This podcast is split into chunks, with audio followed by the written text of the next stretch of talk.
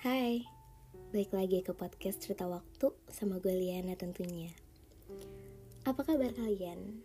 Semoga baik-baik aja ya.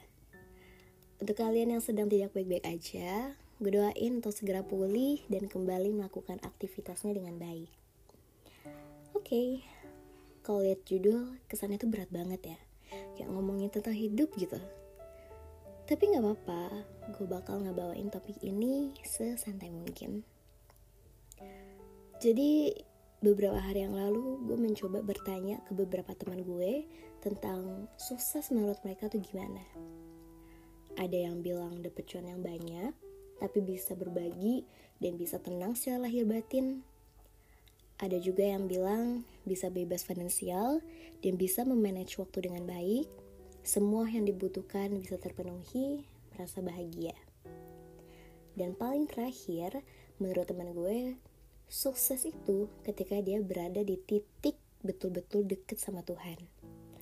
Betul-betul bisa jalanin maunya Tuhan, kayak jauhi larangannya. Karena kalau dia udah di titik itu, dia rasa semua masalah hidupnya tuh pasti bisa selesai. Kayak sehat, bebas finansial, dan lain-lain. Alasan gue nanya pertanyaan itu ke teman-teman sekitar karena gue pengen tahu aja apakah semua orang sama merasa sukses itu jawabannya harus kaya akan materi. Dan ternyata tidak.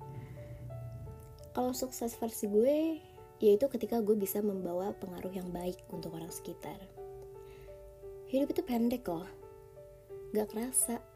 Kayak Rasanya baru kemarin kita di rumah aja dan gak kerasa lagi kalau udah setahun aja kita di rumah terus. Kita tuh gak tahu hidup kita bisa sampai kapan. Jadi, segala sesuatu yang gue bangun hari ini, yang gue buat hari ini, di kemudian hari mungkin akan menjadi kenang-kenangan dan pengaruh baik untuk orang-orang karena karya yang gue buat. Selain itu, gue pengen ketika suatu saat nanti kalau gue udah gak ada, gue pengen orang-orang inget baiknya gue ya gue tahu sih ketika orang udah nggak ada pasti setahun atau dua tahun kemudian orang-orang bakal lupa kalau gue pernah hidup di dunia kalau gue pernah ada di dunia karena kesibukannya masing-masing. Dan gue cuma pengen orang mengomentari gue dengan komentar yang positif. Dan walaupun orangnya udah gak ada tapi semangatnya bisa menerus mempengaruhi orang lain. Gak sedikit juga loh kalau gue suka dengar komentar yang buruk kayak lo tau gak sih dulu pas dia masih ada tuh dia tuh suka ngutang gak bayar atau dulu mah pas dia masih ada sombong banget orangnya. Ya gak heran lah banyak yang gak suka. Semacam itu. Jadi gue gak pengen kalau orang-orang inget sosok Liana malah bad image yang dominan dikomentarin. Sukses masih banyak banget yang mengira harus berupa materi seperti punya rumah, mobil, pekerjaan yang mapan, keluarga yang lengkap. Tapi sebenarnya sukses itu nggak ada gambaran pastinya. Semua pasti beda. Dan mungkin aja kalian udah sukses tanpa disadari. Hidup terlalu singkat, terlalu ambisi juga nggak baik.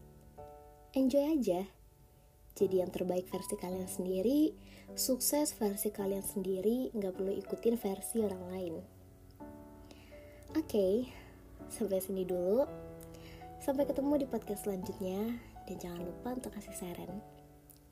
Have a nice day all. See you guys